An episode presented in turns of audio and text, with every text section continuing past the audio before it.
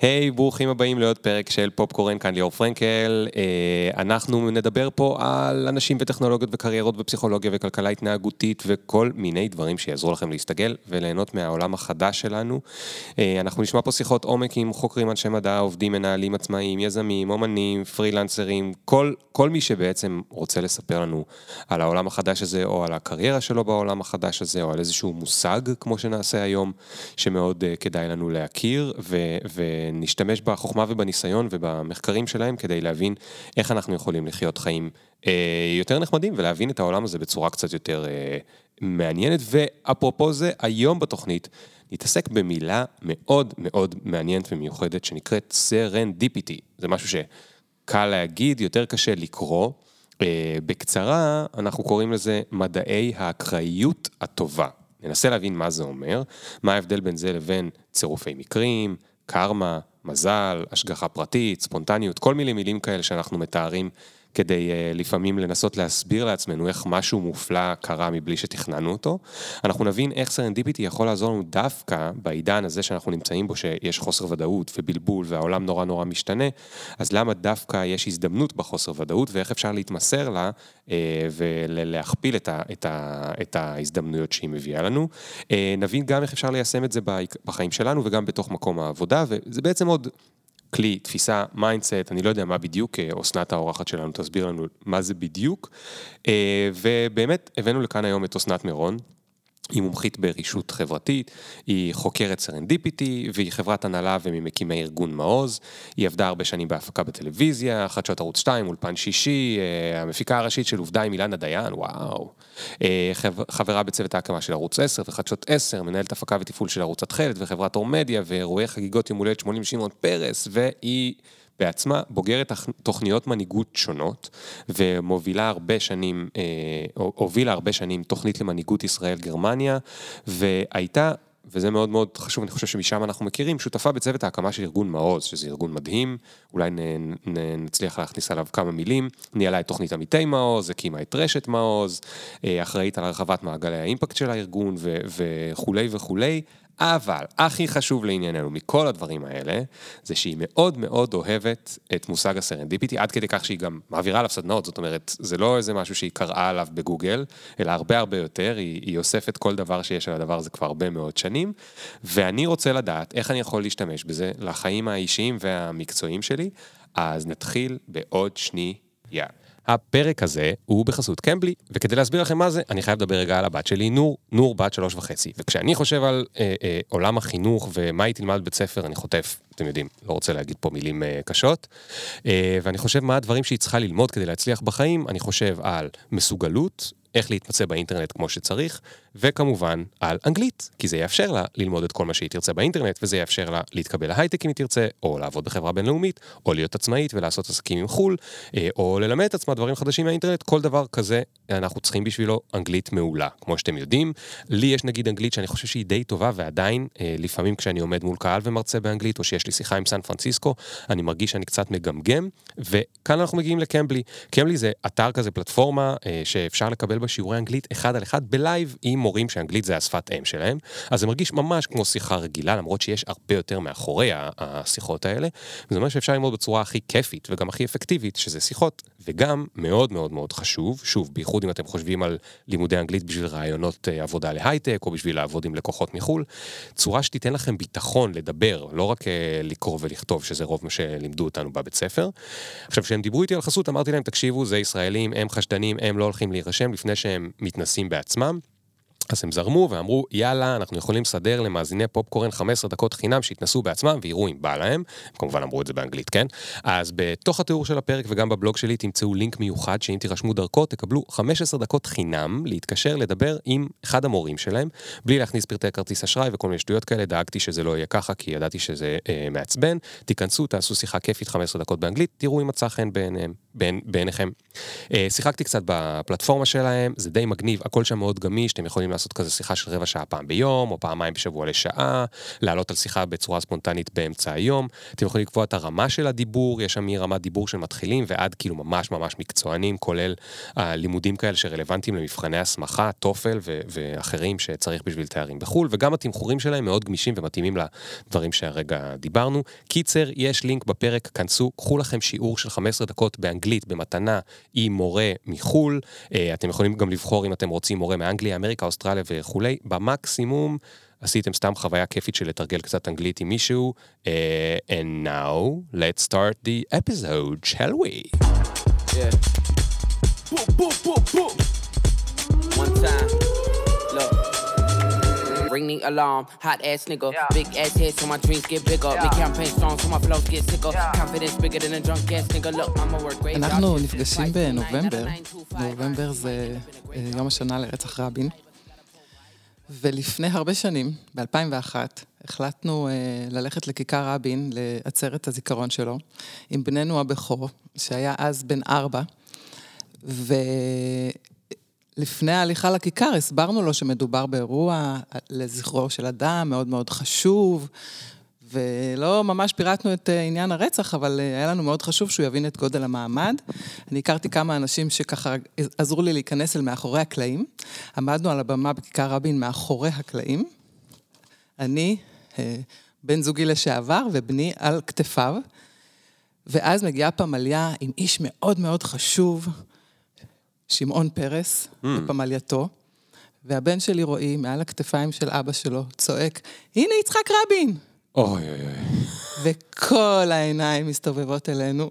כל המאבטחים. וכל המאבטחים מסתכלים, וזה היה רגע מאוד מאוד מביך, אבל מאוד מאוד מתוק, שילד שבא והבין שהוא מגיע לאירוע חשוב, לזכרו של אדם חשוב ששמו יצחק רבין, פשוט כן. קרא בקול, הנה יצחק רבין. תגידי, ילדים מבינים בכלל באמת מה זה לזכרו, מה זה מוות? היום רועי כבר ילד גדול, אבל כשהוא היה בן ארבע, הוא כנראה לא הבין. כן, כן.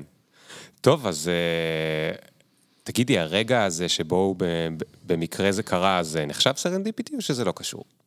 לא, זה לא קשור, לא, אני לא אוקיי. לא חושבת שקרה שם משהו טוב בעקבות האירוע הזה. אוקיי, ו... אז, אז, אז בואי כן תנסי להסביר לי, מה זה הדבר הזה, serendipity?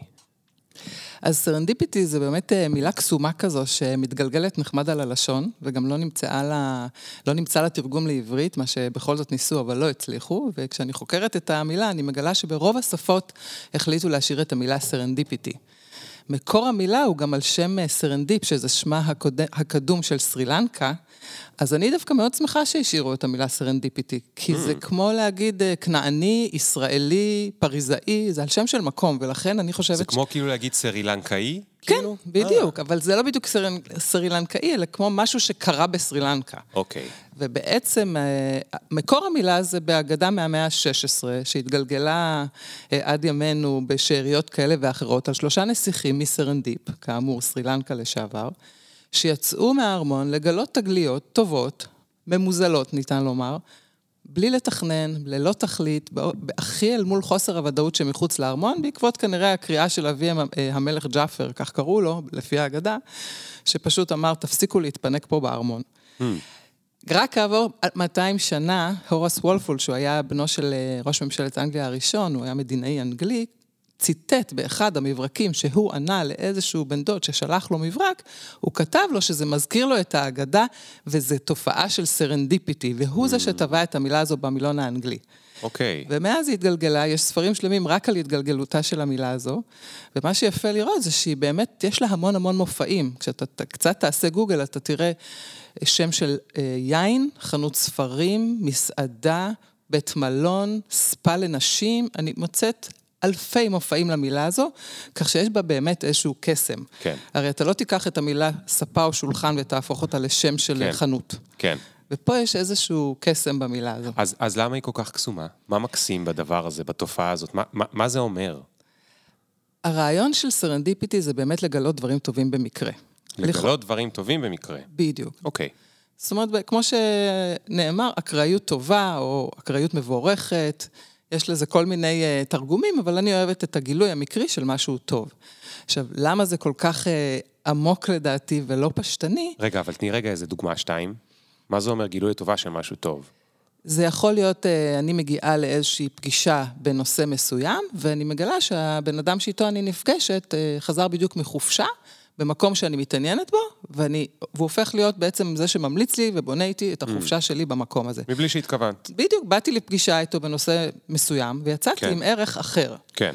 אבל הסנסורים חייבים להיות פתוחים, זאת אומרת, ה serendipity, יש בה אלמנט של פרואקטיביות, זה מה שאני מאוד אוהבת, שיש משהו ב... לצאת ולגלות, לשאול, כן. להיות סקרן, זה לא רגע, משהו... אם, אם אני הולך ברחוב ובדיוק אני מחפש עבודה ואני בדיוק פוגש בך ולא נפגשנו עשר שנים ואני מספר לך שאני בדרך לראיין עבודה ואת בדיוק מחפשת מישהו, זה גם serendipity? כן, זה serendipity מהבחינה הזו שהיית צריך לספר לי ולא רק להגיד לי, היי, מה נשמע? ביי. ואם אני הולך ברחוב ומוצא 50 שקל? זה מזל. זה מזל. כן. אוקיי. אבל יש קשר בין הערנות שלך למציאת 50 השקל לבין סרנדיפיטי. מה הכוונה? כן. אה, מחקרים מגלים שאנשים בני מזל, ואפשר תכף להבחין את כל מיני סוגים של מזל, אנשים בני מזל זה אנשים שיש קורלציה ממשית בין סקרנות למזל. למזל הזה, זה לראות את השטר.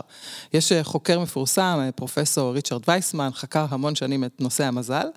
שגם הסיפור שלו, אגב, זה סיפור של סרנדיפיטי, איך הוא הפך להיות אה, פסיכולוג, אם אתה רוצה, תכף אני אספר, אבל הוא ממש הוכיח מחקרית שאנשים בני מזל הם הרבה יותר ערניים למה שקורה סביבם. Mm. לא סתם יש להם מזל. עכשיו, אני רוצה כן להגיד משהו על מזל, כי אני, אה, לי נורא חשוב ההבחנות האלה שאנחנו עושים בין, אה, גם אמרת צירוף מקרים ומזל, אבל בואו נדבר שנייה על מזל. יאללה. מזל עיוור, מזל עיוור, בליינד לק מה שנקרא, זה אותו מזל שאיתו נולדת.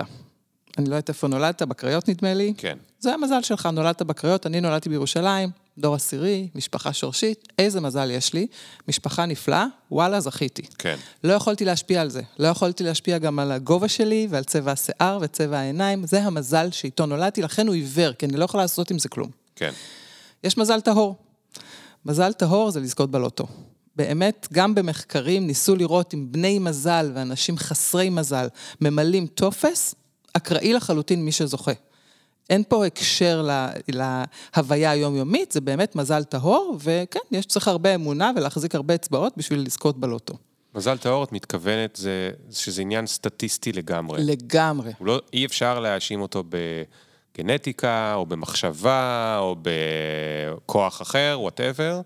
זה סטטיסטיקה לגמרי. נכון, okay? אוקיי? זה גם יכול להיות... לעומת מזל עיוור, שכן יש לו מקורות. זאת אומרת, המקור זה למשל ההורים שלך, והמשפחה שלך, וכולי וכולי, וההחלטות שהם לקחו, אז זה עדיין מזל, אבל זה כאילו מזל שהוא פחות טהור. נכון, לא הטהור הוא גם אה, יכול להיות מטבע. אה, מזל רע, חלילה להיות במקום שבדיוק אה, נפער בולען, כן. זה מזל רע. אבל לא יכולת להשפיע על זה, כן. ואין לזה שום קשר לסקרנות שלך, כן. או למעשה שעשית. זה פשוט טוב, להיות בלוטו, במקום הלא נכון בזמן הלא נכון. בלוטו אני כן מילאתי לוטו. נכון, אבל. אבל את אומרת, מתוך אלה שמילאו לוטו, הזכייה היא... סטטיסטיקה לחלוטין. אוקיי. אוקיי. בעוד שיש את המזל החכם, שזה ה smart luck, או באמת המזל שאנחנו באמת יכולים להשפיע עליו.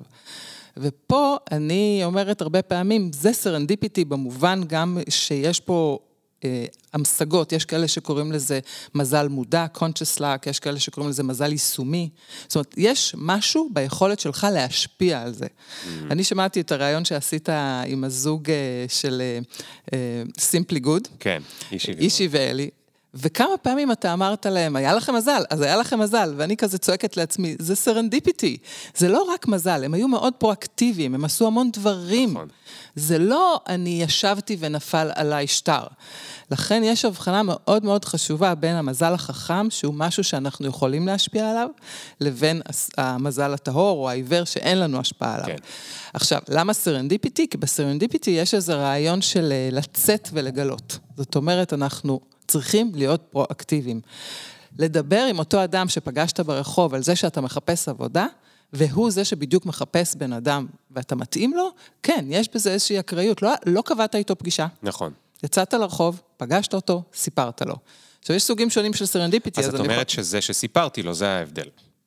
כי אם הייתי פוגש אותו, אז אה, כנראה, ולא הייתי מספר, אז לא הייתי יודע שהוא מחפש. נכון, ועל הדבר הזה יש גם ממש אה, פרקטיקות שנקראות hooks and bombs. זה, יש אה, חוקר אמריקאי, גרמני שחי בארצות הברית בניו יורק וב-NYU, הוא הוציא- ספר לפני שנתיים, Serendipity Mindset, שבעצם ממש נותן שם הרבה פרקטיקות, ומה שאתה מתאר עכשיו זה hooks and bombs. מה הכוונה? ווים ופצצות לצורך התרגום. הכוונה היא בעצם איך אנחנו מציגים את עצמנו לעולם. אני יכולה לעבור לידך, להגיד, נעים מאוד, אני אסנת, ואני עובדת בארגון מעוז. אוקיי, ביי. כן. ויש להגיד, אה, אני אסנת, ואני חוקרת את רעיון הסרנדיפיטי, ואני אוהבת לעשות חיבורים בין אנשים, ונולדתי בירושלים, ושיחקתי כדורסל, ועכשיו אני רוקדת ניאה, וכולי וכולי. אני נותנת הרבה הוקים, שבאחד מהם אתה יכול להיתפס. ואז תגיד, רגע, ירושלים, איפה גדלת? ופתאום אנחנו מגלים איזשהו משהו, ומההוק הזה יכול, יכול להיווצר קשר, או שאתה תגיד לי, אני בדיוק מחפש אה, לראיין מישהו לפודקאסט בנושא ירושלים, אולי יש לך רעיון, והנה נעשה פה חיבור. כן. אז זה הוקים שאני יכולה אה, לתת לעולם. הבומבס, שזה יותר להשליך פצצות כאלה, זה איפה אתה מניח את הדברים האלה שיש לך לתת או שאתה מחפש. האם אתה מפרסם בפייסבוק, אנחנו מחפשים אנשים לפרויקט חדש, ואתה לא יודע מאיפה תבוא התשובה, ומי יעשה תיוג למי, ולה, ולאן זה יתגלגל. זאת אומרת, זה איזשהו צורך שיש לי, ואני אני, אני פותח אותו לעולם, זה כאילו ה bomb. לעומת ה hook, אני מנסה להבין את ההבדל. ה hook זה אני מספר כל מיני פרטים על חיי, או על, על עצמי, או על מה שעובר עליי עכשיו, מבלי כוונה ספציפית להשיג משהו, מתוך הבנה שאולי אחד ה hooks הוא בטעות יפגע במשהו שיש לצד השני. וה bomb זה אני ממש מתאר בצורה אה, רהוטה, הנה מה שאני מחפש, הנה מה שאני צריך, אולי במקרה לך יש את זה. כן, או זאת אומרת, הפוך, יש לי משהו להציע. לספר לך שאני מחפש עבודה, זה לא hook, זה bomb. נכון, אם אתה, אם אתה זורק את זה באזור שיש סיכוי שמישהו יתפוס. Mm. זאת אומרת, להגיד לי בשיחה בין אישית, יכול להיות שאנחנו חברים ואנחנו מדברים, אז אנחנו מדברים אה, על הרבה אוקיי, דברים. אוקיי. ה bomb זה יותר להניח את זה במקום קצת יותר ציבורי. לשים את זה בפייסבוק, או כן. בארוחה משפחתית אם יש לי משפחה גדולה. אני אפילו פתחתי לפני כמה חודשים קבוצה שקוראים לה serendipity bombs בוואטסאפ. אפשר להגיע אליה רק דרך קריאת הפוסט על ה serendipity bombs בפייסבוק. ומדי יום מצטרפים אנשים. גדול. אבל הנה הבוקר כתב שם אה, אדם מבוגר, שבמקרה אני יודעת מי הוא, שהוא גר בדיור מוגן, והוא עושה הרצאות על אה, מלחמת יום כיפור. והוא כתב הבוקר שהאם מישהו מכיר אה, אנשים שישמחו לשמוע, כל מה שצריך זה כבל HDMI ואני מגיע, משהו כזה. כן. וכבר ענו לו, זאת אומרת, הספקתי לראות הבוקר שכבר ענו לו אנשים. אתמול מישהי כתבה שהיא מחפשת אה, במאי לאירוע אה, ממלכתי כזה או אחר, לא משנה, זה, זה, הרעיון הוא שיש המון המון תנועה, שהיא באה מרצון טוב ולגלות דברים טובים. כן. אין שם דברים קשים, רעים, עצובים, כן. זה בא ממקום טוב, זה חלק מהקסם של הסרנדיפיטי, זה הדבר, הווייב החיובי, שהדברים הטובים שקורים. תגידי רגע, תכף נמשיך עם הסרנדיפיטי, אבל בגלל שאת uh, מתעסקת בזה, למה בעצם לא כולנו כל הזמן זורקים bombs? נשמע שזה אחלה פרקטיקה. קודם כל, יש כאלה שעושים את זה, ורק לא מודעים ולא ממשיגים את זה אולי כסרנדיפיטי. אני באה להמשיג לאנשים משהו שהם עושים. אני מאמינה שהרבה מאוד חיים בצורה הזו, זה מה שאני חושבת גם כל כך ממגנט אליי עכשיו אה, לרעיון הזה, לא אליי, לרעיון של הסרנדיפיטי, המון אנשים. המון תגובות שאני מקבלת זה במילים, אני בדיוק כזו, אני כזה, כל חיי היו כאלה. פתאום כן, אני אבל ממשיגה להם. חושב, אבל אני חושב שיש מלא שהם לא כאלה. נכון. ואני מנסה שאנחנו רגע נשכנע אותם להפוך להיות כאלה. אני יודעת לשכנע אותם, כי כשאני עושה סדנאות, אז אני שואלת אנשים, אה, אני, אחרי שאני ממשיגה ומסבירה לעומק את רעיון הסרנדיפיטי, אני מבקשת מאנשים לחשוב על סיפור מחייהם האישיים או המקצועיים, על משהו, שקר, משהו טוב שקרה להם, שהם לא תכננו אותו. לעתים זה מציאת בן בת הזוג, עבודה, מקום מגורים, לפעמים זה דברים ככה מאוד משמעותיים, ולעיתים זה פרויקטים קטנים, דברים שהתחלתי, שכן שפגשתי, עגלת קפה שהקמנו, יש לי המון המון דוגמאות. כן. ופתאום אנשים שלא חשבו שהם כאלה, הם אומרים, אה, ah, בעצם את העסק הזה לא תכננתי, וואלה, יצא לי, יצא טוב. ואז אני אומרת, הנה, אתם רואים? לכולנו יש את זה, אבל עכשיו כשזה במודעות שלך, האם אתה מוכן להיות יותר פרואקטיבי ולהיות כן. הרבה יותר פתוח יותר. להזדמנויות? הרי בסוף בסוף סרנדיפיטי, אני תמיד אומרת, יש שלושה מרכיבים משמעותיים. סקרנות, כל הנושא של הזדמנויות, שזה גם לחפש, גם לייצר, גם לזהות, ופרואקטיביות. צריך את שלושת אלה כל הזמן לאמן. זה שריר כזה שכל הזמן צריך לעבוד. אני, אה, לפני כמה ימים אה, הייתה הרצאה שלי בטוקהאוס, וקיבלתי אתמול טלפון ממישהי שאמרה לי, אני מדברת שם על, על לדבר עם זרים. למה זה חשוב לדבר עם זרים. ואתמול מישהי התקשרה להגיד לי, אגב, זה היה יום ההולדת שלה אתמול, היא אמרה לי, אני רוצה להגיד לך שמיום ראשון אני מדברת עם זרים, ואני על ענן מהדבר הזה. גדול. אז אני אומרת, יכול להיות שהיא דיברה עם זרים קודם, אבל פתאום להביא למודעות שיש בשיחה עם אדם זר פוטנציאל מדהים של serendipity, כי אתה לא יודע מה טמון באדם שיושב מולך. כן. עכשיו, יש, יש גם סוגי זרים שונים, כמו שיש סוגי מזל, יש גם סוגי זרים, אז גם פה אני עושה כל מיני הבחנות, אבל אני חושבת שיש זרים שהם קבועים בחיים שלנו. הזרים הקבועים זה אנשים שאתה פוגש יום-יום. ש- שכנים? שאתה לא אומר להם, אה, שאתה לא, שאתה לא אומר, אולי אתה אומר שלום, אבל אתה לא מדבר יותר משלום. שכן הוא זר קבוע, פקיד הקבלה פה בבניין הוא זר קבוע, אה, אנשים שעובדים במשרד ליד הם זרים קבועים, הם קבועים. אז יש את הבוקר טוב, את השלום, אבל יש פוטנציאל אדיר של serendipity בשיחה שהיא קצת יותר מעמיקה. כי כן. זר זה עולם ומלואו, זה כן. תמיד בן אדם שיפתיע אותך במשהו, כי אתה דיבר, לא יודע עליו כלום. דיברת קודם, וזה היה נשמע לי כאילו אנחנו צריכים... זה מצחיק, כי זה מצטרף לרשימה ארוכה של דברים אחרים כאלה, של אנחנו צריכים לחזור להיות בעצם ילדים כי ילדים שהם צריכים עזרה, הם מבקשים עזרה, וילדים לא מפחדים לדבר עם זרים, לפחות עד גיל מאוד מאוד מוקדם, אבל הם לא מפחדים לדבר עם זרים, כי הם uh, יודעים שגם זר יכול לשים אותם בנדנדה, או הבת שלי יכולה לבקש ממישהו ש... שיביא לה עכשיו איזה משהו בתמימות. אבל אז אני עוצר אותה, ואני קצת מכבה לה את הדבר הזה. אני, אני חושבת שאחד הכלים באמת לייצר סקרנות זה מה שנקרא תודעת מתחיל, זאת אומרת מין beginner אה, mindset כזה, צריך קצת לאמן את זה. מה זה אומר? זה אומר בעצם שכשאתה מגיע כל בוקר למשרד, תנסה לדמיין שזה היום הראשון שלך במשרד. אז אתה פותח את העיניים, אתה מסתכל על החדרים, אתה רואה, אתה מזהה אנשים, אתה רואה מה מישהי, משהו, איך היא מתלבשת, אתה רואה מישהו, איך הוא אה, אה, מתנהג, אתה כן. מז...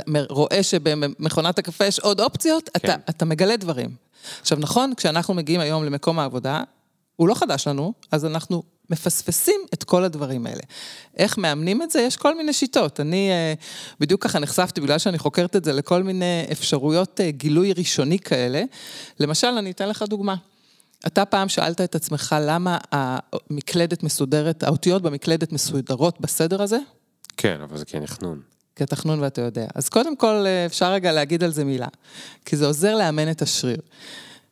בעבר, כשהיו מכונות כתיבה במאה ה-19, כש, כש, כשהמציאו את מכונת הכתיבה, אז היינו צריכים להקיש על המקשים, ואם האותיות הצמודות, כמו A ו-N, T ו-H, היו צמודות, אז הן היו נתקעות אחת בשנייה, כי זה צירופים אה, שכיחים. אז קודם כל הרחיקו אותיות שכיחות.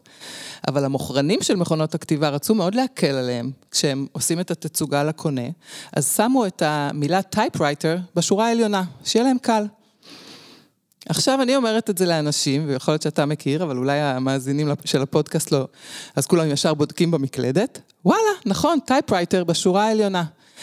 השנייה הזו, שאגב, מי ששמע אותנו עכשיו וגילה את זה, כן. הגילוי הזה, הקטן הזה, זה beginner mindset. זה הרגע הזה. אוי, איזה קטע. כן. זה, זה שני דברים, זה כאילו גם איך... איך לא ראיתי את זה? נכון, יש שם כאילו, זה ה beginner's, זה ה beginner's mindset, אבל זה גם ה... להיזכר רגע כמה אנחנו לא שמים לב. נכון, אתה יודע שאני הזכרתי בפתיח את בני רועי, בן 25 כבר, אבל אני זוכרת פעם שהלכנו איתו לפינת החי, ואנחנו כהורים, מבוגרים, תמיד, אה, אוי, הנה ארנבת, אוי, הנה זה, נכון? ואז הוא צעק ככה, אוי, צינור. הוא ראה צינור. כן. עכשיו, זה היה כל כך תמים, נכון, צינור, כאילו זה עוד דבר שהוא רואה ומתלהב ממנו, כן. וזה בדיוק זה, זאת אומרת, לשים לב לדברים שיכול להיות שהם טריוויאליים. עכשיו, האימון הזה, הוא עוזר לנו לפתח את הסקרנות אם היא לא באה לנו טבעי. לי זה מאוד טבעי, אני מאוד סקרנית, אני רואה אנשים, אני רוצה לדעת עליהם, אני רואה דברים, אני שואלת, וואו, ראית כמה שלא שאלתי בכניסה לכאן. לשאול, אני חייב רגע לשאול את, ה, את הקונטרה, כי... Uh, קודם כל, אני מתחבר לזה, יש את העניין הזה שכשאשתי הייתה בהיריון, אז פתאום ראיתי מלא נשים בהיריון. נכון? או אומרים את זה גם על אוטו, שאני מחפש, אם הייתי מחפש עכשיו אה, פז'ו, אז פתאום הייתי רואה מלא פז'ו. אם אתה עובר דירה, אז אתה רואה המון ארגזים. בדיוק. שזה תמיד ההוכחה לזה שאנחנו רוב הזמן לא שמים לב מה קורה.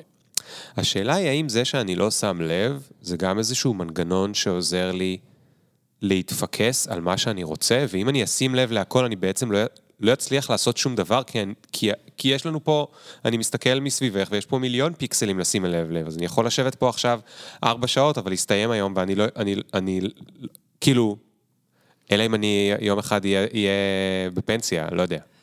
אז קודם כל זה נכון, המוח אוהב אה, פוקוס. זה נחקר גם, גם על ידי פרופסור וייסמן שציינתי וגם על ידי אחרים, המוח מאוד אוהב להיות פוקוס. מצד שני, אמר לואי פסטר פעם, הכימאי הצרפתי הנודע, שהמזל אוהב את המוח המוכן. כאילו המזל מגיע למי שמוכן לו.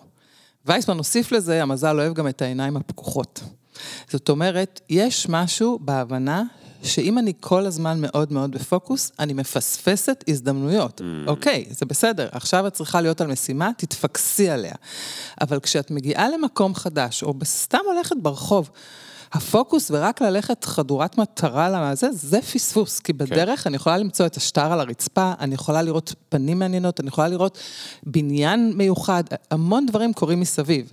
אז נכון שהמוח אוהב את הפוקוס, אה, אתה בטח מכיר את הסרטון המפורסם שעשו פעם בהרווארד, דניאל סימונס עשה עם הצוות שלו מחקר על המסירות כדורסל בקולג' עם הגורילה. כן. על זה גם נכתב ספר, מישהו ראה כאן גורילה, שזה בדיוק על זה.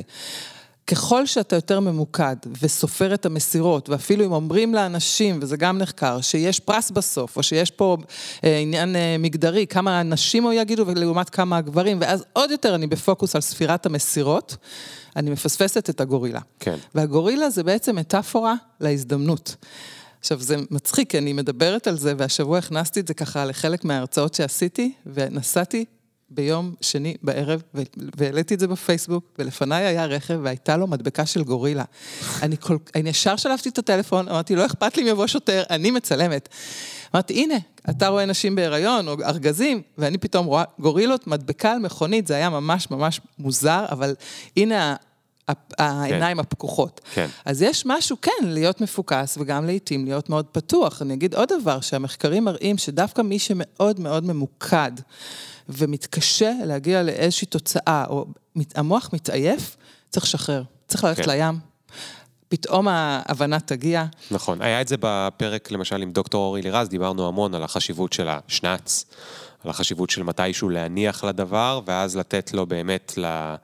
לא, לרדת רגע מהגז, ואז מגיע הפיצוח. אני יכולה לספר לך פה סיפור מקסים. קודם כל, לסוג הזה של serendipity קוראים serendipity ארכימדי. יש ממש סוגים. אוקיי, למ... אז בואי נדבר על הסוגים. זה, אז הסוג הארכימדי זה בעצם בדיוק הדבר הזה שאנחנו מדברים עליו, שאני מחפשת משהו, והדרך שאני מגיעה לפתרון, היא משהו מפתיע. זאת אומרת, ההפתעה הטובה קורית מה, מהמקום שבו מגיע הפתרון. ארכימדי כי הוא היה באמבטיה ומצא את ה... בדיוק, אוקיי. כי בגלל שארכימדס שנתבקש אה, להעריך נפח של כתר של המלך חיירון השני וכולי, הוא לא ידע איך למדוד נפח בזמנו, ובסוף כשהוא נכנס לאמבטיה ויצאו המים, בא לו פתאום האוריקה הזה, והוא צעק, מצאתי, כן, והלך, כן. ומספרים שהוא רץ ערום ברחובות. אז זה באמת הסיפור הארכימדי. אני, אני, עכשיו, לי יש משקפיים סרנדיפיטיות, אני רואה את זה בכל מקום. ואני יכולה לתת דוגמה ממש, אה, צפיתי בסדרה, אה, אה, הפלייליסט על איך הוקמה ספוטיפיי. זה עכשיו בנטפליקס. יש שם ממש קושי במודל העסקי. למה שאנשים שיורידו מוזיקה חינם וחברות התקליטים יסכימו? משהו שם לא הגיוני. על מה אנשים ישלמו? הרי יש את כל הפיראטים וכולי. כן. העורכת דין שמתעסקת בזה, היה לה אוריקה כזה. נפלה לה המחרוזת עם כל החרוזים על הרצפה באיזושהי ישיבה. סתם, בלי, בלי קשר לכלום, כן. אבל כשהיא אספה את החרוזים, היה לה את המומנט הזה של ההבנה על מה אנשים ישלמו. והיא הלכה חזרה למשרד של אה, ספוטיפיי, נתנה להם המון חרוזים צבעוניים, זה פלייליסט, זה, זה אלבום, זה אלבום, זה אלבום, תרכיבו לעצמכם את השרשרת, וכשאחת העובדות, אה, היא אמרה לה, אוקיי, תני לי את השרשרת, אני גוזרת את זה, היא אמרה לה, לא, לא, לא. אז היא אמרה לה, למה? אז היא אמרה, כי זה שלי. כי כן. את הפלייליסט אני עשיתי. ואני מוכנה לשלם עליו. כן. והיה שם איזה מומנט כזה שהגילוי המקרי הטוב הזה קרה לה מזה שנפלה לה השרשרת, ושם היא הבינה משהו. אז זה הסוג הארכימדי. זה לגלות כל מיני דברים טובים, אבל בדרך שלא כן. ציפית. פתרון, פתרון יצירתי, או לאיזושהי חידה, או למשהו שאני צריך לפצח. נכון, אז פה גם צריך לשחרר ולעיתים באמת ללכת לים, או לדבר על זה עם אנשים שלא קשורים לנושא. אתה לא יודע מאיפה יבוא הפתרון. לעשות אמבטיות, חבר'ה, תתקלחו, כאילו, אנחנו מבקשים. נכון. אז זה סוג אחד. יש סוג שני, אה, הסוג שמכונה ה Post-it, שזה בעצם, אם אנחנו הולכים ל Post-it, ל sticky notes האלה, כן. אז שם הסיפור הוא בעצם על המעבדה של 3M, שבראש צוות אה, מחקר עמד אה, דוקטור ספנסר, והוא בעצם אה, ניסה לעשות דבק, דבק חזק. זאת אומרת, נייר דבק, אבל חזק, שיחזיק ממש חזק. וזה היה חלש מדי, חלש מדי, חלש מדי, ובסופו של דבר נולד מזה ה Post-it, כי הייתה שם איזושהי הבנה שאומנם זה לא דבק חזק שרצינו, אבל יש לזה שימוש אחר. Mm.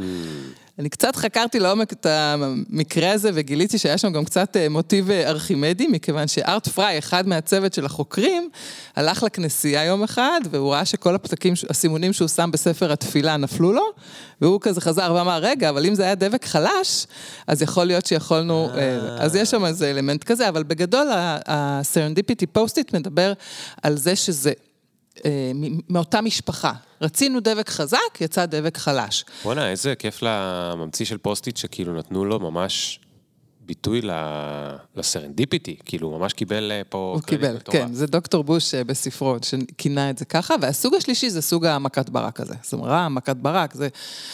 אין לך מושג מאיפה זה הגיע, אז פתאום יש לך איזה מין הערה כזאת, אתה עומד מול חלון ראווה ואתה אומר, וואו, זה מה שחיפשתי כדי לעשות משהו, או אני, גם אני רוצה לפתוח חנות, משהו שפתאום קורה ואתה באמת לא יודע מאיפה.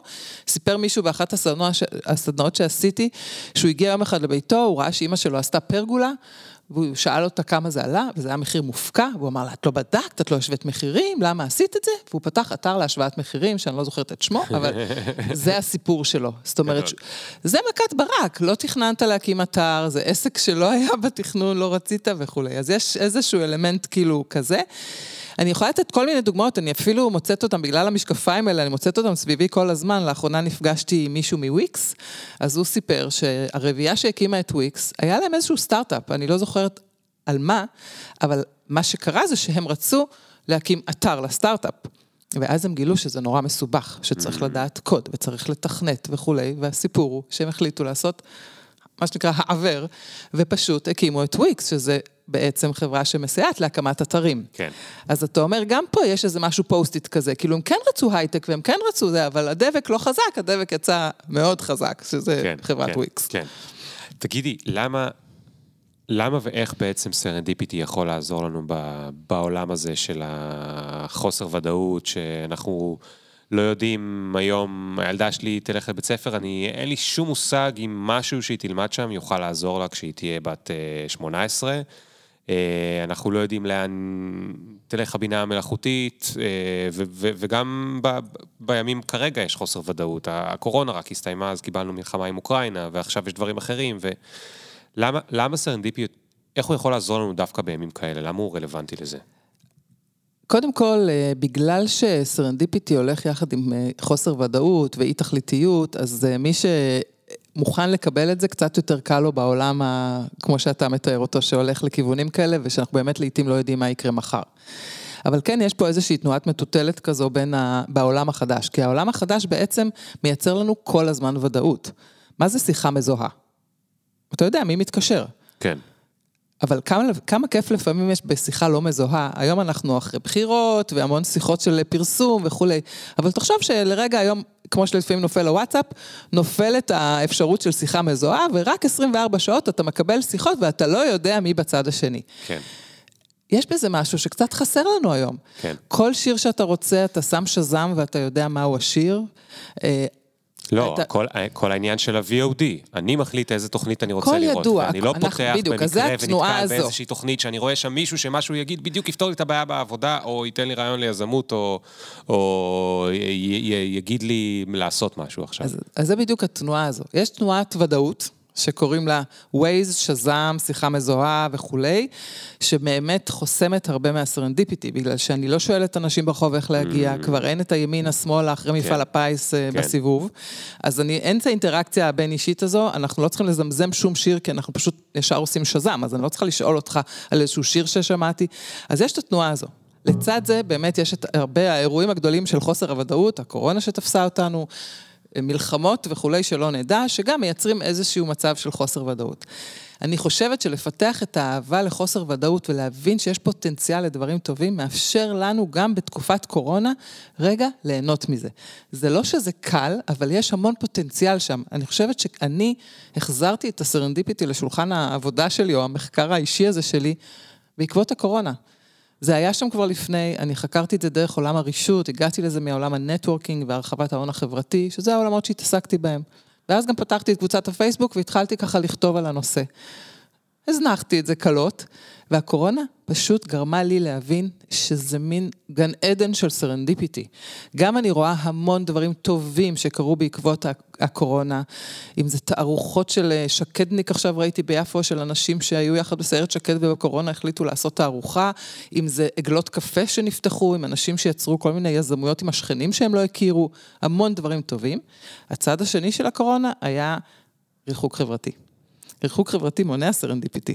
נכון שה serendipity זה לא רק אה, קשור במפגש עם אנשים, רעיון יכול לבוא לך, כמו שאמרנו, גם מספר או מסדרה, אבל יש משהו בחדשנות שקורה בין אנשים, בפינת הקפה ובברזייה, כמו שאומרים, שלא קורה בזום. ושם אני הבנתי שיש איזה בום די גדול. כן. ישר ככה התחלתי לעקוב אחרי הרבה מאמרים ופרסומים שהיו ממש בתחילת הקורונה, מה יקרה לחדשנות. ממש הייתה דאגה, mm. חרדה אמיתית, הגדירו את זה כסכנה של ירידה של 30 אחוז ברעיונות חדשניים בחברות ההייטק. החברות הגדולות מאוד ניסו להחזיר כמה שיותר מהר את העובדים למשרד, היה הרבה פושבק, אבל אני עדה להרבה תכתובות, אה, אפילו בחור מאמזון שלח לי מיילים שהם מקבלים מאנדי ג'סי, שממש קורא לעובדים לחזור פיזית למשרד, כי שם אנחנו הכי טובים. כן. טים קוק אה, כתב לאחרונה לעובדי אפל לחזור, זאת אומרת, יש משהו בעניין הפיזי שאין אותו בעולם האונליין. אני, אני רגע רוצה להוסיף לזה, אה, ישבה פה לפני כמה שבועות כנרת רוזנבלום, בפרק על אה, מה זה ייעוץ ארגוני ולמה צריך את זה בכלל.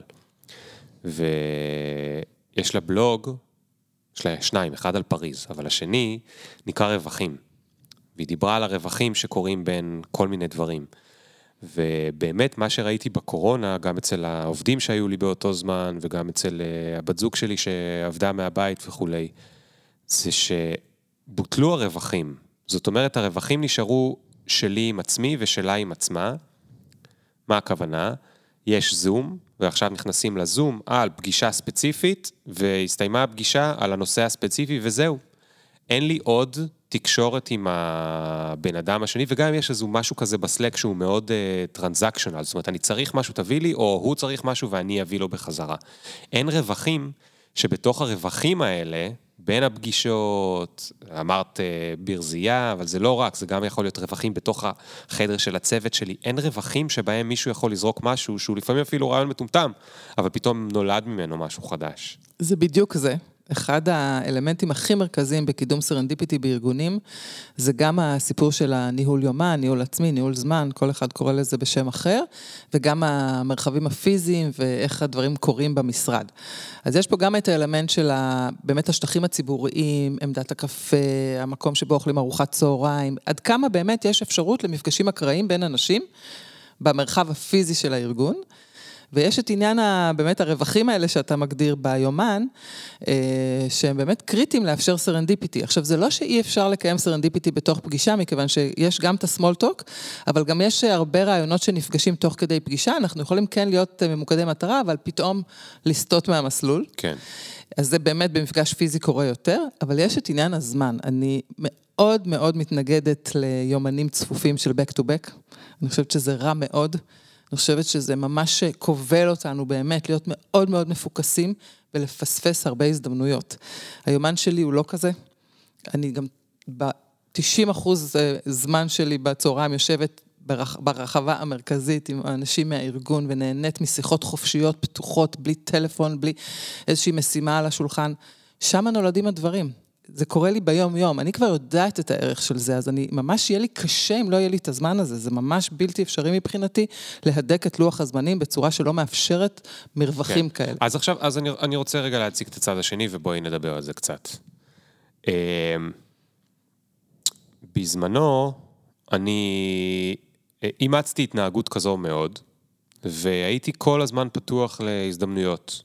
כל מי שכתב לי, פגשתי אותו לקפה, או הרמתי לו טלפון, אה, היו לי הרבה מרווחים בתוך היומן וכולי, אבל אה, מצאתי בזה גם בעיה. כשהייתי מאוד פתוח להזדמנויות, כל הזמן הגיעו הזדמנויות. כל הזמן הגיעו דברים חדשים.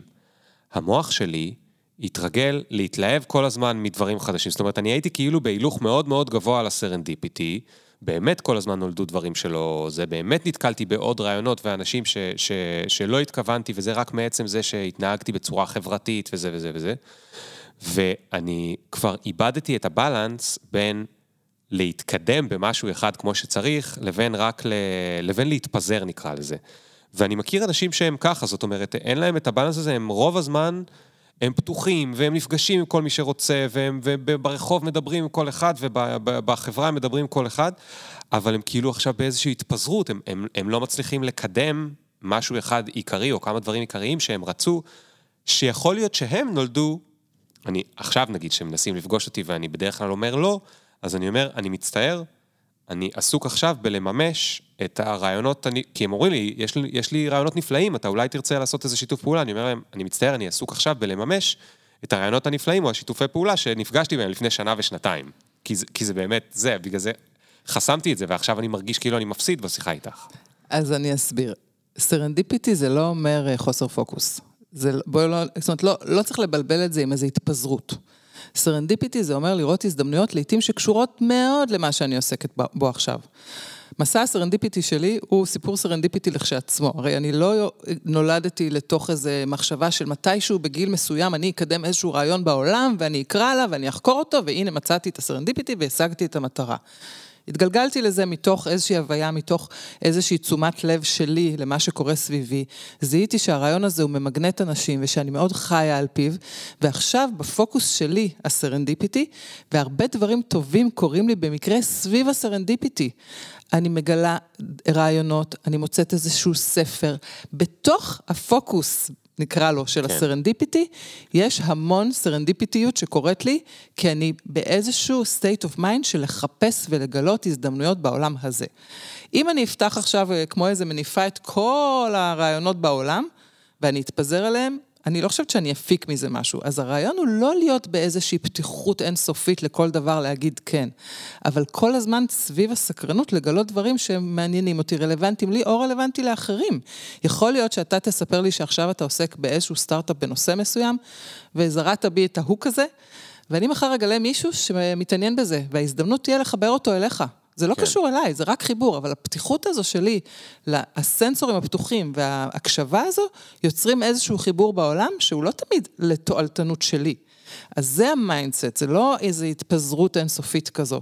נכון שצריך להיות מוכנים, ואמרנו כאילו שהמזל אוהב את המוח המוכן, את העיניים הפקוחות, אבל אנחנו אנשים אה, מבוגרים שיודעים מה אנחנו מסוגלים ולא מסוגלים. גם אני מוצאת את עצמי אומרת לפעמים לא. אני אומרת בכלל כן, אם זה מסתדר ביומן. אני לא אומרת כן אוטומטי, יש לי חיים, יש לי פוקוסים, יש לי ילדים, יש לי עבודה, יש לי תחומי עניין, חברות, ספורט, תזונה, אני מתעסקת בהרבה דברים. אם אני אגיד כן, כן, כן לכל דבר, ברור שאני אתפזר, זה לא יעשה לי טוב.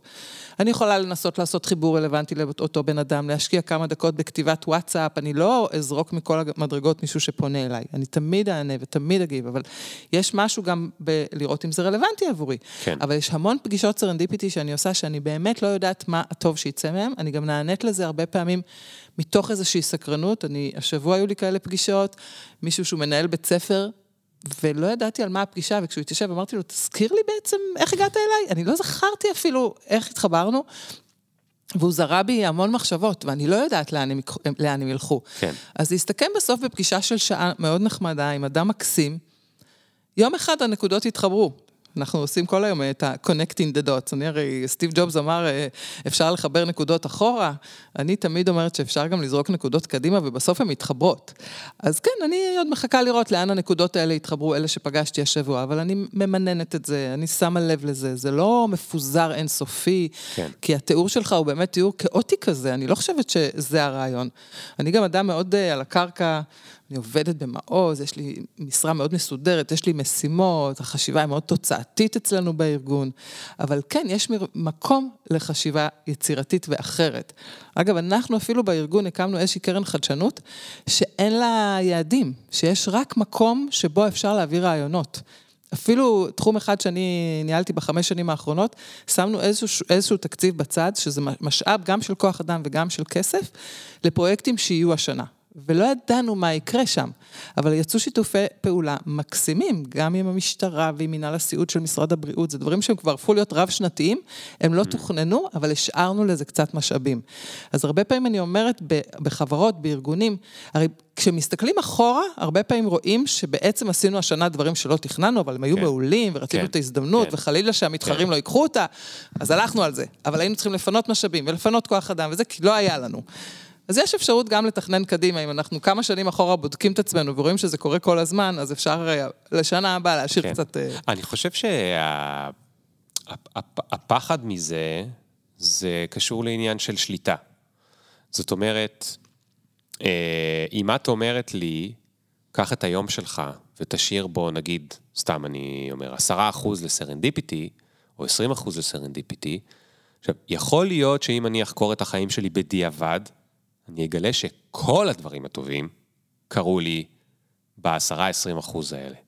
ועדיין, כשאת תגידי לי, תעשה את זה קדימה, אני אגיד, לא, אני לא רוצה, אני רוצה לשלוט על כל המאה אחוז של היום שלי, אני רוצה לשלוט על כל מה שיש בו, אני רוצה לוודא שכל שעה בו מנוצלת לדבר הנכון ולזה...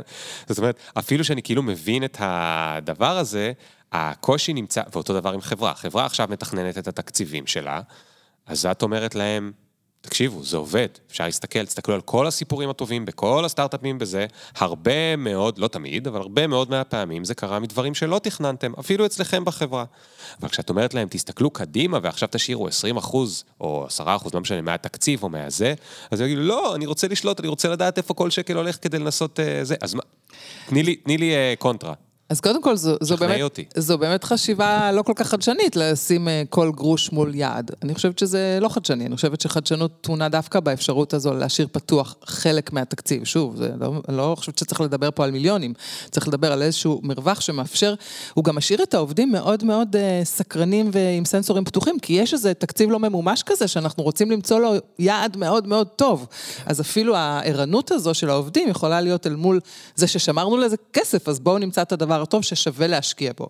אז אני חושבת שהחשיבה החדשנית צריכה להיות דווקא כזו, במיוחד כשאתה מוכיח לעצמך אחורה ש, שזה עובד. אבל שים לב שיש משהו ב serendipity שהוא לא, בהכרח להשאיר עשרה אחוז או שעה ביומן. serendipity זה הוויה יומיומית 24-7. זאת אומרת, גם, כמו שאמרתי, גם בפגישות עבודה אתה יכול למצוא דברים במקרה בזמן מאוד קצוב ומתוכנן.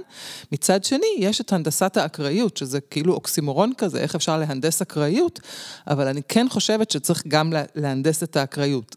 להנדס אולי את המרחב הפיזי שיאפשר לאנשים להיפגש, או להנדס שגרות שתומכות serendipity, אם זה ארוחות בין צוותים, ללא טלפון נייד, יושבים עכשיו שני צוותים שלא עובדים ביחד, mm. לארוחת צהריים. אז אפשר להנדס serendipity, וזה אני חושבת התפקיד של מנהלים. לעשות את המקום הזה, להשאיר את ה... הסלוטים האלה ביומן מהונדסים לאקראיות, ולכן כוסות הקפה, במרכאות, שאני שותה עם אנשים שאין לי מושג על מה, זה הנדסת אקראיות. כן. אני אומרת, אני אשב שעה ביום, שעה ביומיים, לא משנה, זה לא צריך להיות מאוד מאוד אה, מחניק. לפגוש אנשים ללא סיבה, ללא תכלית, לא יודעת מה יצא מזה, לפעמים יוצא מיד, לפעמים יוצא כעבור כמה זמן, אני באמת לא יודעת. אז זה חלק מההנדסה הזו. אבל גם בהוויה היומיומית, עם הסנסורים פתוחים, ואתה מייצר הזדמנויות, והסקרנות בוערת, ויש לך תודעת מתחיל, ואתה פרואקטיבי, אז שם יש איזה משהו שמזמן את זה כל הזמן. זה לא רק כן, כן. בעשרה כן. אחוז האלה. תגידי, דיב... סיפרתי בהתחלה שאת היית אה, מעורבת בהקמת אה, חדשות ערוץ 2 והתוכנית אה, עובדה של אילן דיין. אז קודם כל מעניין אותי, זה, זה כאילו משהו די שווה לעשות בקריירה, מעניין אותי אם את כיוונת לשם או שזה קרה לך בטעות. ואחרי זה יש לי עוד שאלה על, על uh, ערוץ 2 וסרנדיפיטי. אז קודם כל ממש לא כיוונתי לשם, אני באמת, החיים שלי התגלגלו עם הרבה סרנדיפיטיות, זאת אומרת, זה ממש לא יכולתי לדמיין את עצמי עובדת בתקשורת, תפקידי הפקה, חדשות, אקטואליה, לא היה לי בספקטרום בכלל. גדלתי כילדה טובה ירושלים, אחרי הצבא יצאתי לטיול, חזרתי, אמרתי מה אני אלמד, הלכתי למדעי הרוח כי זה עניין אותי, ואהבתי את, את האוניברסיטה העברית בירושלים. לא היה לי מושג. ההגעה לערוץ 2 הייתה דרך פגישה אקראית עם חברה של אימי, שהכירה את המזכירה של המנכ"ל דאז, אילון שלו, והייתה שם מישהי שיצאה לחופשת מחלה, והיא אמרה לי, בואי בבקשה, אני צריכה פה מישהי לחודשיים. באתי ואמרתי לה, אמת, חודשיים, לא מתאים לי, אני רוצה לחפש עבודה להרבה זמן. והיא שכנעה אותי להישאר, ואמרתי כן, בידיעה שזה מקום בהתהוות והוא נשמע מעניין. וכך אה, נשארתי בחברת החדשות אה, חמש שנים, והקמתי והפקתי את אולפן שישי ש... של פעם, זה לא הגרסה העדכנית. יעקב אילון זה כאילו היה? לא, יעקב אילון היה... היה בחדשות, אבל אני הקמתי, זה היה בהתחלה מין כמו פגוש את העיתונות, אחרי זה זה היה עמנואל וגדי, mm, עמנואל רוזן אוקיי. וגדי סוכניק, ואושרת קוטלר, ואלה היו האנשים. אה, באיזשהו שלב ערך את זה גם גיא זוהר, וככה היה לנו... הייתה, הייתה לנו באמת הוויה של התחלה, זה היה משהו אחר. שאגב, אני חייבת להגיד שגם גיא זוהר, פעם אה, הייתי בתפקידי הפקה, ואז הוא שאל אותי פעם ליד המעלית ככה, היה צריך למלא מקום שם בדסק של האורחים. אז הוא שאל אותי אם יש לי רקע בעיתונות. אז אמרתי לו, אה, אני קוראת עיתונים. אז הוא אמר לי, אוקיי, התקבלת. ופשוט הוא היה חייב, עכשיו, אפרופו המתחזה, אתה יודע, כאילו אמרתי, אוקיי, אני הולכת לתפקיד בדסק, שזה כבר בצד העיתונאי, זה עם האורחים, וצריך לתכנן את הליינאפ של מחר. ואמרתי, כן, נורא נורא רעדתי, אבל הרגשתי שזו הזדמנות. ואני ממש זוכרת את הרגע הזה ליד המעלית, שאמרתי לו, אוקיי, זאת אומרת, אני הולכת איתך על זה. וככה גיליתי עוד עולם, שהוא קצת יותר עולם התוכן והעיתונות. אז כן, גם התגלגלתי במקרה מתפקיד לתפקיד, הרגשתי שאני כל הזמן אומרת שם כן. עכשיו תגידי, אז, אז אני רוצה עכשיו עוד ל... ל... כאילו מה שנקרא שלב ב' של השאלה. ב... בהפקה בטלוויזיה, ובטח בחדשות, שזה נקרא לזה ההפקה הכי נוירוטית שיש בטלוויזיה, מילה לגמרי. אחת. אה, הכל מדוקדק על הדקה, על החצי דקה, על השנייה. מדוקדק, מדוקדק, מדוקדק, מדוקדק. אין מקום לרווחים, אין מקום לטעויות, הכל צריך לקרות, וגם אם איזושהי כתבה, נ, נ, לא כתבה, אה, אה, אייטם אתם קוראים לזה, נכון? נכון. שלוש דקות, אייטם, קרה משהו לבן אדם ואי אפשר לראיין אותו, מיד כולם על הרגליים למצוא משהו אחר שיחליף את השלוש דקות האלה וזה. האם בתוך כל הדבר הזה שהוא כאילו, אני כאילו מחפש את המקום הכי... אנטי סרנדיפיטי, האם גם שם ראית את הדברים האלה קורים? אז שוב, הסרנדיפיטי מצויה בכל דבר. אז זה יכול להיות, זה גם יכול להיות אנשים שהכרתי שנהיו חברי נפש ועברנו יחד אה, באמת אה, אירועים מאוד מאוד גדולים ומשמעותיים. אני הייתי בחדשות גם בתקופת הפיגועים ורצח רבין, אז תקופה מאוד משמעותית. אז הרבה דברים אה, טובים, חשובים, משמעותיים בחיים שלי קרו מעצם העבודה בחדשות באינטנסיביות הזו. אז זה שזור בכל דבר שעשינו.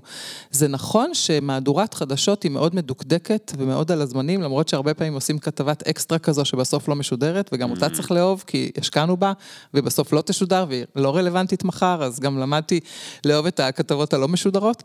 אבל יש משהו ביום-יום המתוכנן והמדוקדק הזה, שהוא לא סותר סרנדיפיטי. אני אדם יחסית מתוכנן, יגידו לך אנשים שאני, יש לי משימות, אני עומדת בהם, אני מאוד, אני רושמת לי על פתקים כל מיני דברים. זה לא אומר חוסר תכנון וחוסר דקדוק. זה איזשהו mindset של סקרנות שנמצא בכל דבר, ואז יכול להיות שגם כתבה מאוד מדוקדקת שעבדנו עליה והיא עמדה בדיוק בזמנים של ה-2-15 שניות, שם יכול להיות שנפל לי איזשהו אסימון או איזשהו רעיון, והחלטתי לקרוא איזשהו ספר בעקבות הכתבה, וזה סרנדיפיטי. ולכן הסנסורים האלה הם אינם סותרי תכנון, הם כל הזמן פתוחים. ויש משהו בפרואקטיביות של, אוקיי, הייתה כתבה, נשמע לי מעניין, לכי תחפשי את הספר. זאת אומרת, זה, זה כבר השלב של לעשות את הדבר הזה. זה, אם יוצאים, מגיעים למקומות כן. נפלאים. ואת ראית שם אנשים שהם...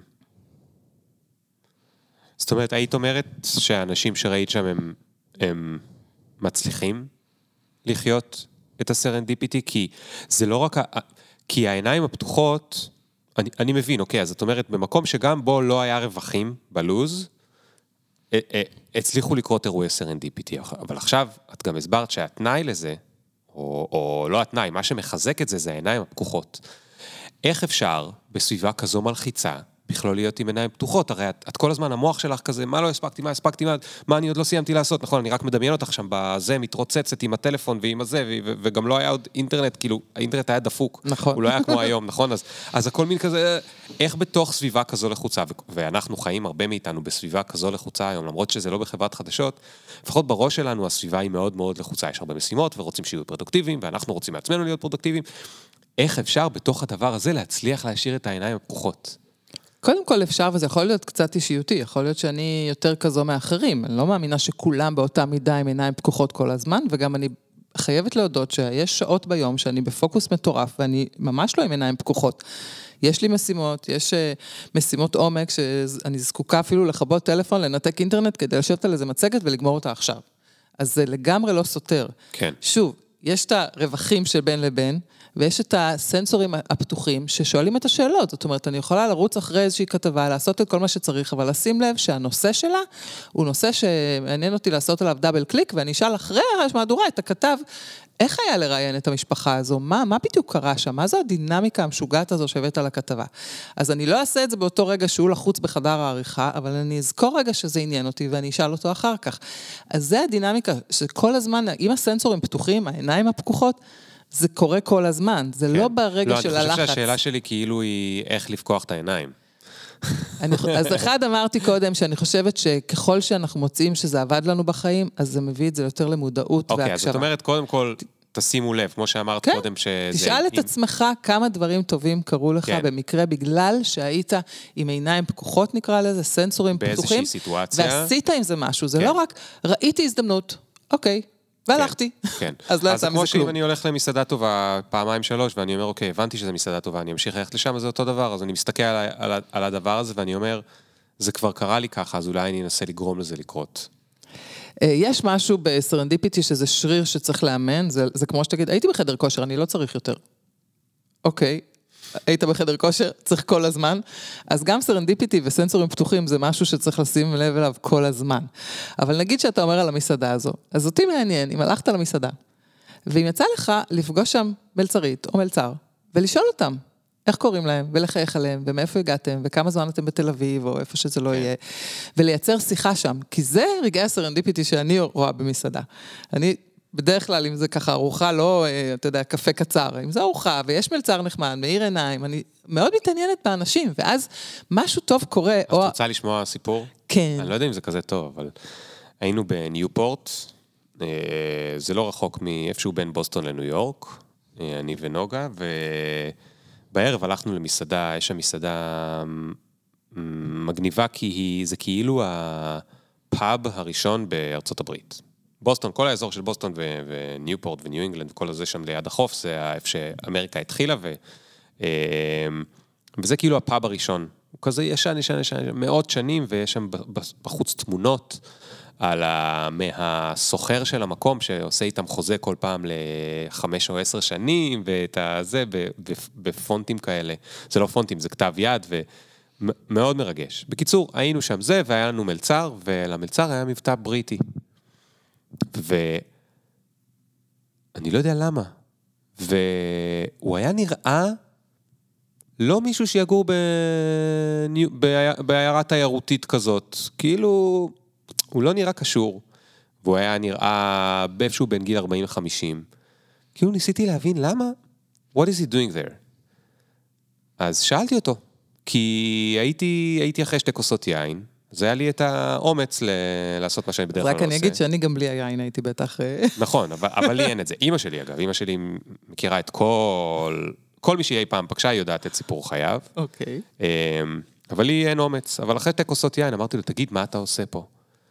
והוא, המסעדה כבר היה, כבר היה מאוחר, אז המסעדה הייתה חצי ריקה, אז הוא נשאר לידינו איזה עשר דקות, וסיפר לנו סיפור איך הוא, הוא מלונדון, והוא גר בלונדון שמונה שנים, והוא למד מוזיקה, ואז הוא עבר לניו יורק אה, עם בן זוג שהיה לו, אז הם עברו לניו יורק, והוא עזב את המוזיקה לטובת הבן זוג, ואז הם עברו לניו יורק, ובקורונה, בשיא הקורונה, שבמנהטן היה איום ונורא, והיו אמבולנסים בלי סוף, וסחבו גופות, כאילו, אני לא יודע אם כולם מכירים, אבל כן. ניו יורק הייתה נוראית בשיא של הקורונה וזה, והוא... אה, אה, הוא לא יכל לסבול את זה יותר, ו- והבן זוג שלו רצה להישאר, והחליטו להיפרד, והוא מרוב אה, זה ממש ברח משם כמה רחוק שהוא יכול להגיע לניו אינגלנד, ועכשיו בגיל 46, הוא נמצא שם, הוא מלצר במסעדה, קודם כל, בחו"ל מלצרים זה לגיל יותר מאוחר, אבל הוא ספציפית, הייתה לו קריירה אחרת לגמרי, וזה, וזה נגמר בזה שהיו לו דמעות בעיניים. והיה שם רגע מאוד אה, אנושי, כי לרגע היינו איתו ותמכנו בו, וכאילו יצאנו לו לשבת, כמובן הוא לא יכל. והקשבתם לו. הקשבנו לו, ראינו אותו, ופתאום חשבתי על זה שכאילו, אולי היה לו ערב מבאס, כי הוא קצת בכה בפני שולחן שהוא שירת, אבל אולי גם היה לו ערב נחמד, מישהו כאילו דיבר איתו. קודם כל, זה סיפור מקסים על אה, לדבר עם זרים. אז הנה לך זר שדיברת איתו, ושעשית משהו טוב בעולם. כי נתת לו במה, או הקשבה, או כל הנתינה הזו שלכם מהסקרנות הזו, זה לגמרי משהו טוב שקרה, במקרה, לא, לא קבעתם איתו. אחד הדברים שזה באמת אה, מעורר בי, זה את הרעיון הזה באמת של הסקרנות שלנו, שהיא פתוחה יותר בטיולים בחו"ל.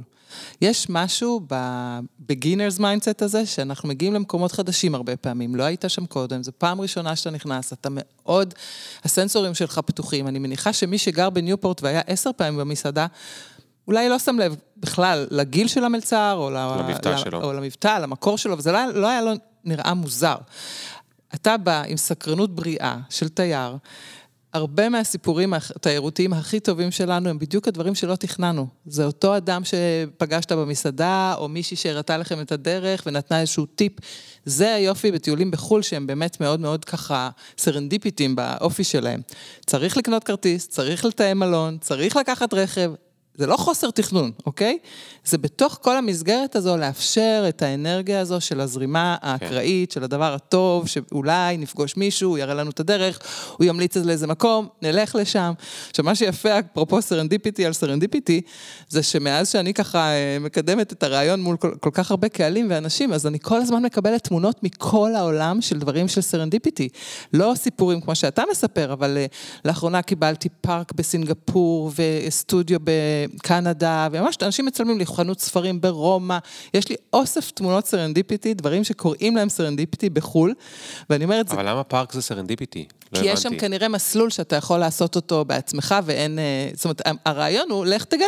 אוקיי. אז לפארק קוראים סרנדיפיטי. אה, זה פארק שקוראים לו סרנדיפיטי. כן, סרנדיפיטי, פארק אוקיי, בסינגפור שלחה לי מישהי. זאת אומרת, אני מקבלת, אנשים רואים את הסרנדיפיטי קצת כמו לראות את הגורילות. הם פתאום מודעים לזה, ופתאום הם רואים סביבם המון דברים שקוראים להם סרנדיפיטי, שהמש... שהם מבינים גם את המשמעות, שיש פה איזה גילוי. יש פה, מישהי שלחה לי מוושינגטון לא מזמן, אה, היא הייתה בטעימות יין, ויש יין שהשם שלו סרנדיפיטי.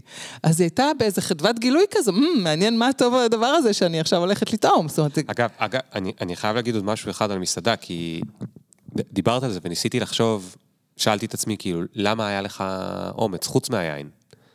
אז יודעת משהו? זה לא היה רק אומץ, זה היה גם קצת שעמום, במובן הטוב של השעמום. המסעדה הייתה, זה לא היה בעונה, זאת אומרת, זה לא היה שיא הקיץ שכולם, זה היה בתקופת פסח, קצת קר. כן. זה עיירה תיירותית מאוד יפה שם בחודשים של הקיץ והזה. בחורף, לא כל כך סקסי שם. אז העיירה הייתה חצי ריקה, או יותר נכון, חמישית, אה, אה, חמישית מלאה. וגם המסעדה, אני זוכר שבאתי וכאילו חשבתי, טוב, אנחנו יוצאים למסעדה, כאילו שווה, יקרה, יהיה אווירה וזה וזה. והיא הייתה יחסית ריקה, וישבנו בקומה השנייה, ואני כאילו, אין פה מקום יותר מלא שהיא יכולה לשים אותנו, המארחת, ולא, לא היה, כי המסעדה הייתה קצת ריקה, והיה לנו כיף והיה לנו נעים בשיחה, אבל לא היו לי יותר מדי גירויים. ואני חושב שזה חשוב פה לדבר גם לנושא הזה של השעמום, הדברים הטובים שקורים מה... מהריק. מה, מהריק, מהחוסר, כן. מהשעמום, מהזה שאין גירויים. ואין לנו כל הזמן טלפון וטלוויזיה, ו- ו- ו- ו- או מלא אנשים יפים שמסתובבים שם, או מעניינים שאפשר לרחל עליהם, או whatever, וכאילו מה, מתוך הריק הזה הצלחתי נכון. לשים יותר... על זה אגב, אתה ככה מזכיר לי שיש אה, עוד איזה פילוסוף של המדע, אהרון קנטורוביץ', שהוא כתב את הספר מהאמבה ועד איינשטיין, והוא מדבר שם על serendipity אה, בתוך המוח של עצמנו. זאת אומרת שיש גם אה, אפשרות לכל מיני רעיונות להיפגש במוח, שזה במקרה, ושם צריך קצת את השעמום ואת הריק הזה. זאת זאת אומרת, כן לשבת כמה שעות עם עצמך מול איזה נוף משעמם או משהו כזה, ואז המחשבות מתחילות ככה לעלות, ופתאום יש איזה משהו, אני, לי זה קורה גם בפקקים, אני חייבת להודות, אני, אם אני לא מקשיבה לפודקאסט שככה מפקס אותי, אז אני נותנת למחשבות ככה לעוף, יש לי פנקס עם עט, ואני רושמת לעצמי דברים שקורים לי תוך כדי נהיגה, כי משהו שם כנראה במוח גם מאפשר את הקפצת הנוירונים האלה שנתקלים זה בזה. אז יש משהו גם באמת מריק או שעמום שקורה לנו בתוך המוח, אז גם על זה נכתב בתור serendipity פנימי. ואני חושבת שיש משהו באפשור הזה שאתה נתת לעצמך, גם האומץ והסקרנות וגם השעמום שתרם לזה, לדבר עם אותו מלצר, עכשיו תעשה לזה copy-paste למסעדה בארץ. תנסה להיות שם, במקום הזה, שאתה יושב במסעדה שהיית בה כבר הרבה פעמים, אבל המלצר כנראה מעניין לא בגלל אולי שיש לו מבטא אנגלי ושהוא נראה כמו אדם אה, מהגר זר, אלא אולי זה צעיר מהצפון שמתחיל את הימים שלו בתל אביב, הוא קצת מחפש את עצמו, וזה נורא מעניין לשמוע מה קורה עם הצעירים האלה שמגיעים לתל אביב מהצפון, ומה מושך אותם כל כך בעיר הגדולה. ופתאום יש שם איזו תובנה שמחר אתה חושב עליה באיזשהו פודקאסט ושואל שאלה, וזה כן. פתאום מתכתב עם משהו שאתה עושה. אז כן, פה בתל אביב, ליד הבית, במסעדה שכבר היית בה כמה פעמים. זה בדיוק זה, זה לקחת את ה beginner הזה, כאילו, את הראשוני, את השעמום, את הריק, לא יודעת מה, לכל מיני מקומות בחיים. וכן, צריך קצת להתאמץ בשביל זה, כי זה לא הטבע שלנו כשהמסך אה, דלוק, או הטלפון צמוד, או הפייסבוק, כל מיני דברים שכמובן ממלאים את זמננו. מילה, אגב, על המסכים, אפשר לומר... שיש הרבה serendipity בשיטוטים האינטרנטיים שלנו, ברשתות החברתיות וכולי, שיש לומר שזה נכון. זאת אומרת, אני הרבה פעמים עולה על רעיונות, על כל מיני טקסטים וכולי, דרך שיטוט כזה אקראי בשעמום הזה, בהמתנה איפשהו מגלגלת ורואה, יש בזה משהו, אבל אנחנו צריכים תמיד לזכור את האלוגריתמים. כאילו, יש פה משהו קצת מתוכנת, שלי זה קצת חורה בעולם הסרנדיפיטי, לדעת שמישהו מתכנן מה אני רואה בפיד, mm. והוא כן יודע מה אני אוהבת, אז זה כזה מין... תחושת כן. ה serendipity הקצת אה, מהונדס הזה, אבל אני זורמת עם זה, אני אומרת, אוקיי, אבל זו כתבה מעניינת, אז בסדר, נסלח לגוגל שהם כן. אה, תכנתו את זה עבורי. כן. אסנת, הרבה הרבה תודה. זה מאוד מאוד, אה, כאילו, נתתי קצת מוטיבציה לפתוח את העיניים עוד. אה, ואני יודע שלסיום את רוצה לקרוא לנו שיר. אני רוצה להקריא משהו שבדרך ה serendipity אני לא מתביישת אה, לפנות לאנשים שאני מעריכה, סקרנית לגביהם, בין אם זה דן אריאלי שהיה לי איתו זום על serendipity, או לאה נאור שתרגמה את דוקטור סוס, או כל מיני חוקרים מחו"ל שאני ככה מגיעה אליהם, ויש לי מסע ארוך עם ה serendipity. אבל אה, יש משורר אה, אינטרנט, שמו אהרון בס, שזה לא שמו אמיתי אגב, אני כבר בקשר איתו, שמו רוני, והוא כותב המון שירים מעולם ה serendipity, ככה אני הרגשתי. הוא מדבר על חיבור הנקודות ועל חוסר הידיעה, ובאיזשהו שלב כתבתי לו במסנג'ר, היי, אהרון בס, אני מקדמת רעיון בעולם, האם אתה מכיר את ה serendipity? והוא כתב לי, לא, לא מכיר, מה זה? אז שלחתי לו קצת חומרים, ואמרתי, אולי משהו טוב יקרה. ולפני חודש וחצי, הוא שלח לי שיר לאישורי, הוא ביקש שאני אאשר אותו, ופרסם אותו, והוא קרא לזה serendipity, אז ככה בא לי להקריא את זה. יאללה. serendipity. על דרך המקרה זה יגיע, משהו שלא חיפשת, משהו שלא ציפית, אבל הוא ישנה לך, ואולי גם ישנה אותך להבין שאקראיות בין לבבות אנשים, או אפילו בינך לבין תוכחך, פורצת דרך חדשה ומפתיעה, בתנאי שתצא החוצה ולא תפסיק לחפש. בסוף זה יגיע, ואתה תמצא מעל הכל את עצמך מופתע. אז זה השיר של אהרון בס, אנחנו ככה באיזשהו קשר אה, אה, אינטרנטי וגם קצת דיברנו, והוא אפילו העביר אה, שיעור אצלו במקום העבודה על serendipity בזכות אותו קשר, ואני ממשיכה בסקרנות לגלות עולמות, וקרוב אפילו נסיעה לחו"ל בעניין, אז... איזה כיף, איזה כיף. יש עוד הרבה אז, גילוי. אז, אז המון תודה על, על, על, על כל מה שסיפרת לנו על הדבר הזה, ואת יודעת מה, אם כבר הקראת שיר, אז uh, גם לי יש משהו. לפני, אה, לא זוכר, מספר שבועות, אה, פנה אליי מישהו שסיפר אה, לי ששמו אלי, והוא בכלל הייטקיסט, ובתחביב שלו זה להקת רוק. הם הקימו להקת רוק בבנימינה, שנקראת בית אהבות. משחק מילים על בית האבות ובית אבות, כי הם מרגישים קצת זקנים. אוקיי. Okay. והם הוציאו שיר שנקרא קורונה בלוז. אה, אה, אה, באלבום שנקרא קורונה בלוז, והשיר נקרא מתפחח לאט. והוא אמר, הוא לא ביקש שאני אשמיע את השיר, הוא רצה סתם לספר לי במסנג'ר, כי הוא אמר שהבית השני נכתב בהשראת הפודקאסט. הייתה תקופה שהפודקאסט היה מסתיים בשאלה, אם היית במטוס שעומד להתרסק. סיימתי, זה כבר לא ככה, אבל בפרקים, מי ששמע את הנגיד 150 פרקים הראשונים, זה, זה נגמר ככה, אם היית במטוס שעומד להתרסק, מה היית מתבאסת שלא הספקת, נכון? נכון. אה, אז הוא כתב במטוס שמתרסק, עוד כמה רגעים, על מה הייתי מצטער שלא עשיתי בחיים. שלא היה לי את האומץ לקום ולצעוק, לצאת מהנוחות ויותר לא לשתוק.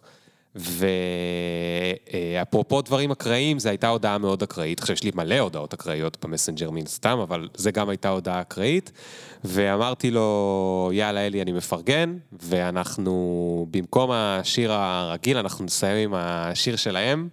ואנחנו נשים את השיר של אה, להקת בית האבות מבנימינה, אה, להקת אה, תחביב שהם עושים אחרי הזה, ו... ו... ואיזה כיף שיהיה לנו כל ה... כל ה... זה, את רוצה לומר משהו?